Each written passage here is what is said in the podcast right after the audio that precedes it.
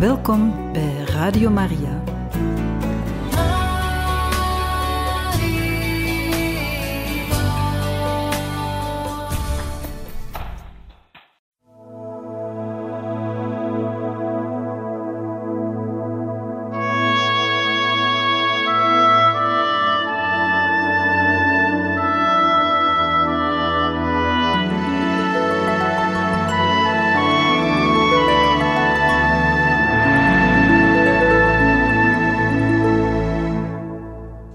We waren dus gekomen aan hoofdstuk 20, waar de Franciscanessen aankomen.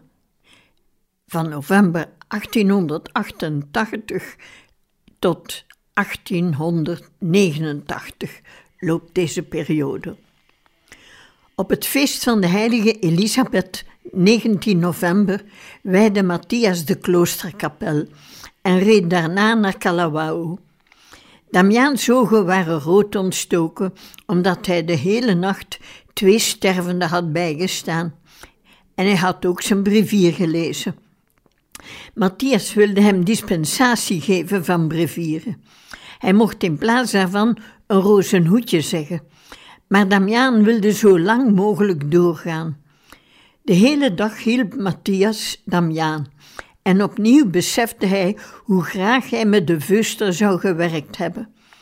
Om drie uur wilde hij naar Kalaupapa terugkeren, maar Damiaan vroeg hem te blijven voor de begrafenis. Matthias had er al veel gezien, maar Damiaan drong aan. Als je dit niet gezien hebt, zag je niets, zei hij. In afwachting las Matthias zijn brevier in Sint Filomena. Verdiept in de lectuur schrok hij op door een harde drumslag. Hij wandelde naar de ingang en hoorde nu ook fluiten en andere meer melodieuze instrumenten. De fanfare bracht een lied uit zijn jeugd, Moesig Den, over een soldaat die afscheid nam van zijn geliefde. Een groep vrouwen in zwarte jurken trok een kar voort.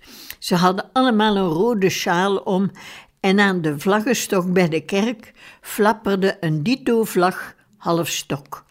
Mannen in het zwart, met ook een sjaal om, duwden de kar. Achter de rouwers stapte de fanfare op. Damiaan legde uit dat Juliana gestorven was. Een goed meisje, zei hij. Ze ging door het vage vuur op aarde. Einde citaat. Hawaiianen hechten veel belang aan begrafenissen. En daarom had Damiaan vier verenigingen opgericht, elk met een eigen kleur. Die ijverden tegen elkaar op. Technisch gezien had hij dit niet hoeven te doen. De overheid betaalde de kisten en grafdelvers en Damiaan zei de mis gratis. Je zou dit moeten beschrijven, vond Matthias. Maar Damiaan zei: later. Anders zou hij weer last krijgen. Na de mis vroeg Matthias Damiaan uit. Hij wilde weten wat de Melaatsen nodig hadden. En Damiaan zei dat alle basisnoden voorzien waren, al hielp een extraatje altijd. Ze hadden vooral behoefte aan liefde en affectie. Elke bandeling had nog maar kort te leven en had liefde veel sneller nodig. En toen, of het het meest logische was, zei Damiaan, deel de bisschop mee dat ik 2000 dollar op de bank heb staan. Einde citaat. En zo zat hij bij het, jongens, bij het jongste dispuut. Snel vond dat Damiaan de heropbouw van Sint Filomena met het geschonken geld moest betalen, of anders moest de raad de kosten dragen, want de staat bezat alles in de leproserie. Een week te laat kwam Wendelin de palie af. De 38-jarige priester was met strenge instructies vertrokken. Hij mocht geen enkel besmettingsgevaar lopen en was ook volledig onafhankelijk van Damiaan. Gezien Fouesnel kon die tot Damiaans onderpastoor had benoemd. Het werd meteen moeilijk, want Wendelin, Matthias en Conradi moesten alle drie in het kleine huis dat Damiaan ooit voor drie had getransporteerd, slapen. En er waren maar twee bedden. Wendelin sliep de eerste nachten op drie stoelen en besloot meteen dat hij een nieuwe pastorij nodig had. De drie priesters brachten samen een uitgebreid bezoek aan Damiaan. Ze waren met vier in de leproserie en Colomben was in Kaluaha, wat vijf maakte op Molokai. Damian was zo opgetogen als hij dat hoorde, dat hij zin had om een begroeting tegen de berg op te schrijven. Hij bleef die dag herhalen dat hij gelukkig was. Hij kon misschien wel niet meer rondlopen, maar hij bleef actief. Conradi zou later overnemen en ook dat was een geruststelling. Ook als hij tegen de wil van de overste ingaat? Vroeg Matthias. Wie van ons doet alleen wat de overste zeggen? vroeg Damiaan. En ze moesten allemaal lachen, want iedereen wist hoe men zich soepel moest opstellen. Matthias Corneille vertrok op de dag dat de beroepsverpleger James Sinnet aankwam. De Ier had op aanraden van eerwaarde heer Hudson van het Ave Maria magazine zijn zich kandidaat gesteld. De raad hapte toe, want hij kon voor de mannen zorgen en als leek had hij Kukkeman en als leek had Kukkeman geen zeggenschap over hem. De verpleger met het koperen haar kwam voor Damiaan en trok meteen naar zijn bestemming Kalawao. Toen dokter Swift laat die avond binnenliep, overhandigde de verpleger zijn officiële papieren met de bombastische woorden: Ik plaats me onder uw bevel. Swift keek naar de man met de lange baard en bestempelde hem als een vreemde vogel, een rara avis.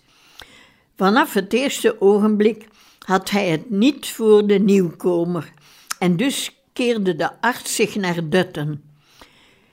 Je klaagde al een tijd over het vele werk. Wel, Joseph, je krijgt James als assistent. Einde citaat. Dutton en Sinnet vonden het beide een goed idee. En hiermee was voor Swift de zaak gesloten. In Hotel Damien kon Sinnet weinig kwaad doen, dacht hij. Maar de volgende morgen al wilde de verpleger alles op zijn kop gooien. De kinderen moesten opvoeding krijgen, niet spelen. De jongens deden hun behoeften in bosjes, wat onhygiënisch was en tot immoraliteit kon leiden. Er moesten toiletten komen. Meijer vreesde terecht dat dit tot conflicten kon leiden, juist nu Chinatown zo goed liep. De toelage voor kleren voor de wezen zou nog eens verhoogd worden. En er waren budgetten gestemd voor slaapzalen en eetzalen voor volwassenen. Alleen wist Damiaan nog niet wat er na zijn dood met de wezen zou gebeuren.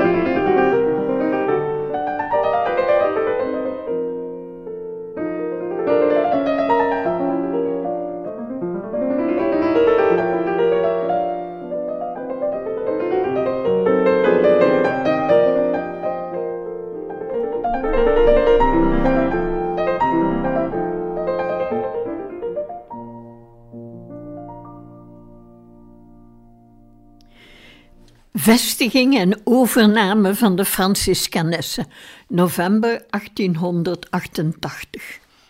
Na zowat een maand op Molokai planden de zusters hun eerste bezoek aan Kalawao. Damiaan wachtte moeder Marianne en zuster Leopoldina aan het tuinhek op. Hij zag er mager, askleurig, bleek en ziek uit. Maar hij lachte gelukkig, strekte zijn handen uit naar de hemel om God te danken, omdat zijn jarenlange wens eindelijk vervuld was. Leopoldina trachtte het emotioneel moment te doorbreken en glimlachte, Vader, je hebt een kleine buggy en een zeer levendig paard. Einde citaat. Damian moest lachen, want William was de kalmste knol. Damian toonde de zusters de werken aan Sint Filomena. Alles zou klaar kunnen zijn voor zijn dood. Daarna nam hij de bezoeksters mee naar het weeshuis. De jongens die in Kakako geweest waren, kwamen op hem toegelopen. Zult u voor mijn kinderen zorgen? vroeg Damian aan moeder met een krop in de keel. Leopoldina was aangegrepen, omdat die kwijnende man nog steeds eerst aan de honderd kinderen dacht. Het antwoord van moeder Overste, zo er één was, is niet bekend. Julia, een Hawaïaanse kokua, verzorgster, zorgde voor de weesmeisjes, van wie de oudste bezig waren met kleren te maken voor kleine kinderen. Ook zij toonde de slaapzalen. Als ze rond waren, riep Damiaan alle meisjes samen. Ik zal heel binnenkort sterven, zei hij in het Hawaïaans. De zusters zullen voor jullie zorgen. Later zullen jullie naar Kalaupapa gaan. Einde citaat. Twee kleine meisjes gooiden zich op hun knieën voor de priester en hielden zijn benen vast. De Hawaïaanse smeekhouding.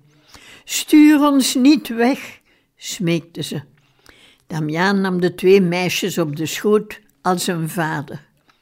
Jullie kunnen blijven tot ik sterf, zei hij met schokkende stem. De kleine Malia Neheula weende en zacht streelde hij haar haar.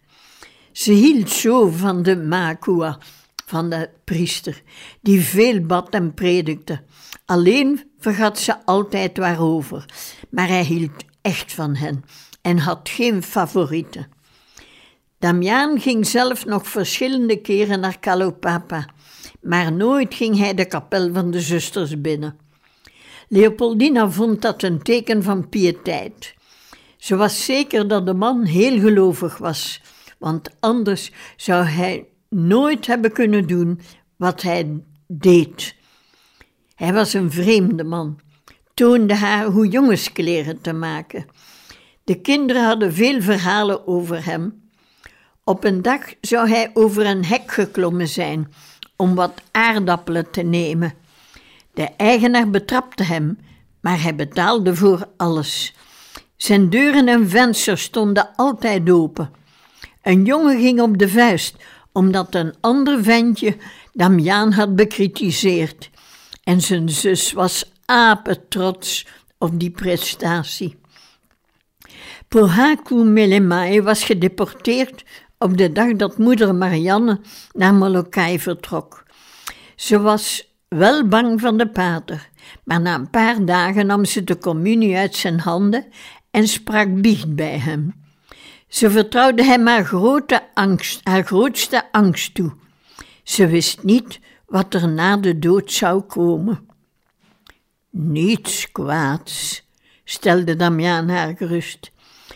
Als je de tien geboden volgt, ga je naar de hemel, zei hij.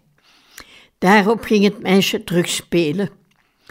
Damiaan vond dat goed en hij bracht een groep broers van meisjes die in Bishop Home woonden naar Kalopapa. Hij vond familiereunies noodzakelijk. De kinderen renden op hem af, want hij had altijd wel wat geschenken bij zich. En hij liet ook een klein cadeautje discreet achter op de veranda voor de zusters en excuseerde zich daarvoor. Ze hoefden het niet bij te houden, mochten het verbranden. Maria Kalikapuna kreeg van hem catechismus, maar ze moest wel haar schrik overwinnen, omdat zijn lepra ver gevorderd was. En daar had Damiaan begrip voor. In zuster Leopoldina vond Damiaan een equivalent. Zuster Vincent kon de leproserie niet aan en zakte weg in een depressie. Moeder concentreerde zich op administratie en het beheer van het home. Zuster Leopoldina was degene die met de kinderen optrok en daarom ook was ze het meest populair bij de patiënten. Ze ging wassen met de vrouwen in de rivier en trok haar schoenen uit om in het water met de kinderen te spelen. Ze nam de kinderen mee uit zwemmen, maar dat liep bijna op een drama uit. Camilla werd gevat door een onderstroom en zou verdronken zijn zo een visser haar niet uit het water had gesleurd. Leopoldina was een lieve, eenvoudige, wat kinderlijke vrouw die de neiging had te dwepen. Toen ze de knappe jonge ingenieur Charles Reynolds in zijn jagerspak op de veranda van het klooster zag staan, een man met een geweer over de schouder, dacht ze een engel te zien. Zijn blonde haren schenen in de zon en meteen besloot ze dat hij Iers moest zijn, het beste ras ter wereld. Reinhold gaf Leopoldina een bundel veren. Voor de hoede van de meisjes, glimlachte de man. Leopoldina ging met de pluimen naar achter om ze aan de lijn te drogen te hangen. Ze hoefden ze niet te wassen, want het stortregende sinds de dag van hun aankomst. Snel liep ze om de hoek, maar stond dan aan de grond genageld. Op de omgespitte aarde zat een man geknield, blootshoofds. Zijn hoofd raakte de muur, waarachter het altaar stond. Hij was doornat. Tranen kwamen in haar ogen, want zo dacht ze citaat, die arme pater Damiaan. Op zijn gezwollen knieën zit hij te bidden voor de Heer. Dit is zo droevig en meelijwekkend. Einde citaat. Even later kwamen ze elkaar terug tegen. Hij zag dat ze geweend had en vroeg of iemand haar verdriet had gedaan. Toen moest ze nog harder wenen. Om iets te zeggen stotterde ze Regen en wind, wind en regen, het houdt maar niet op. Einde citaat. Damiaan begreep er niets van, maar had geen tijd om het uit te zoeken, want hij had een afspraak met Windelin in de kerk. De oversten hadden gesteld dat de kapelaan geen melaatse in zijn huis mocht ontvangen, en hij hield zich streng aan die regel. Damiaan had zin in iets warms. Zou dat in de, zou dat in de kerk niet krijgen. Bovendien, hij moest voorzichtig zijn met warme dranken, want de ziekte had de binnenkant van zijn mond aangetast. Hij kon zich verbranden zonder het te voelen. De boodschap die Wendelin had, sloeg als een donderslag in. De zusters wilden een nieuwe kerk vlak bij het klooster. Albertskerk, onze lieve vrouw van de invalide, was te ver. Het was maar vijf minuten goed doorstappen. Maar Damiaan mocht niet vergeten dat de zusters vrouwen waren, en bij slecht weer was dat een hele afstand. De kerk was schreeuwerig als een Chinese winkel. De felle kleuren moesten verdwijnen. Damiaan legde Wendelin uit dat melaatsheid de ogen aantasten. Pastels zagen vele patiënten niet meer zo goed. Ook die objectie werd afgewezen. Daarboven wilden de zusters, al dus Wendelin, geen kruisvorm, want het leidde de zieke af. Ze keken naar elkaar en niet naar het altaar. Damiaan legde opnieuw uit dat melaatsen slecht zagen en dat als je een kruisvorm koos, er meer mensen rond het altaar konden zitten. Damiaans opwerpingen, Damiaans opwerpingen waren onbelangrijk. Hij kon maar beter aan het werk gaan. Er waren verschillende mogelijkheden. Ofwel kon hij met de donatie een nieuwe kerk bouwen, ofwel, als hij opnieuw dat geld niet voor het ware doel wilde gebruiken, kon hij de oude kerk heropbouwen volgens de wensen van de zusters vlakbij het klooster. Sint Filomena was toch bijna klaar, dus dat kon wachten.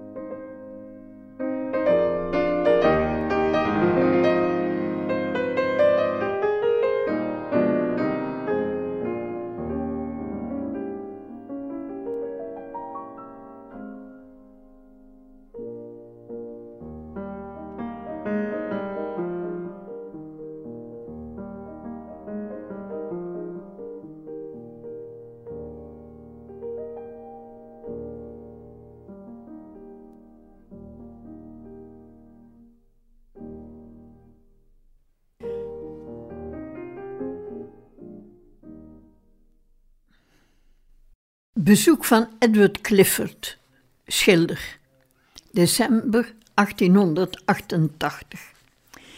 Damiaan legde dit bevel naast zich neer. Hij wilde het bezoek waar hij zo lang naar had verlangd niet vergallen met een nieuw dispuut. Het was bijna kerstmis toen Conradi, die naar Kalawao was verhuisd, en Damiaan lang voor zonsopgang opstonden. Beiden hadden een lantaarn bij zich en beiden vertrokken in verschillende richtingen. Conradi reed te paard, maar Calo papa, want hij meende dat de Mokoli daar zou kunnen landen. Damiaan had de avond tevoren het golvenpatroon bestudeerd en naar het spatschuim op de rotsen gekeken en dacht dat er twee mogelijkheden waren.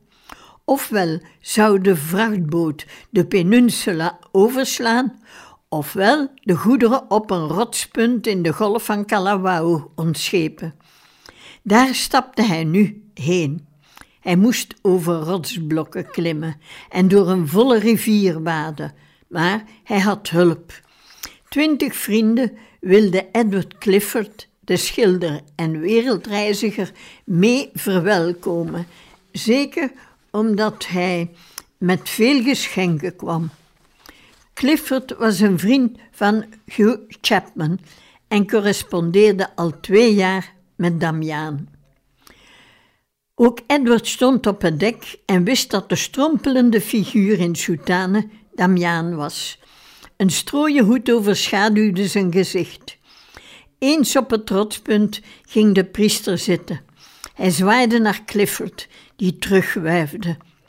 Clifford werd afgeleid, want tot zijn ontsteltenis moest een klein melaats meisje en de jonge William Brown in de roeiboot springen, waar al een groep volwassenen in zaten.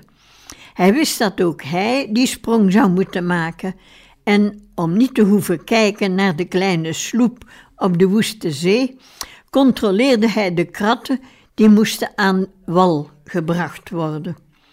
Hij deed de sprong en waadde aan land door de sterke branding naar Damiaan toe, die zijn hand spontaan uitstak. Clifford kon niet anders dan de lepreuze vingers aanraken. Maar het welkom was hartelijk en informeel. Edward, zo zei Damiaan, de voorzienigheid brengt je. Ik wist dat je hier zou aankomen. Einde citaat. Clifford nam snel de brede, sterke man op met korte grijze baard en zwart krullend haar. Ooit was hij knap geweest. Clifford vond hem ook niet zo misvormd. Hij had erger gezien. Het voorhoofd was gezwollen en gegroefd, de wenkbrauwen waren weg, de neus was gezonken, gezwollen oren, lepromas. Damiaan voelde de onderzoekende blik en zei: Ik voel me beter. De Goto-methode werkt. Gurjunolie ook, antwoordde Edward. Ik heb een grote voorraad meegebracht. Probeer het alsjeblieft. Damiaan, die wist dat het niet werkte, beloofde het toch te proberen. Een zeeman kwam ertussen, want er was een probleem. De kist met de geschenken uit Engeland was te zwaar om aan wal gebracht te worden. Ze moesten het terug meenemen. Edward dacht snel na en vroeg de matrozen de kist uit te pakken en de geschenken individueel aan land te brengen. Na een kort palaver wilden ze het doen. Edward dacht pas in Kalawao uit te pakken, maar iedereen was zo nieuwsgierig dat de melaatsen op het strand de pastel met de visie van Sint Franciscus, geschilderd door de bekende Britse schilder Sir Edward Burne-Jones, bewonderde. De artiest zelf had het geschonken. Voor je kamer, zei Clifford. De gravure van de goede herder, een volledige kruisweg, andere zaken werden op de rotsen uitgestald. Het waren allemaal geschenken van bekende mensen, zoals Lady Mount Temple, de weduwe van Lord Palmerston, oud-premier van Groot-Brittannië. Damian kende Lady Caroline Charteris, Honorable Maud Stanley, niet. Maar het was goed dat ook zij aan de bandelingen dachten. De patiënten waren vooral opgetogen met de draaiorgel dat veertig verschillende melodieën kon spelen. De wandeling terug was zwaar. Door een fikse regenbui op Topside was de rivier nog sterker gezwollen. En nu moesten ze met al die pakken over de rotsblokken klimmen. Clifford vond het niet erg. Hij was jong, gezond, uitgerust en vooral gelukkig omdat Damiaan hem beter meeviel dan hij verwacht had. Hij was zo blij dat hij wilde zwemmen, maar Damiaan raadde het hem af. Dus sprong de Brit wat in de golven, terwijl Damiaan en de Melaatse bevreemd toekeken.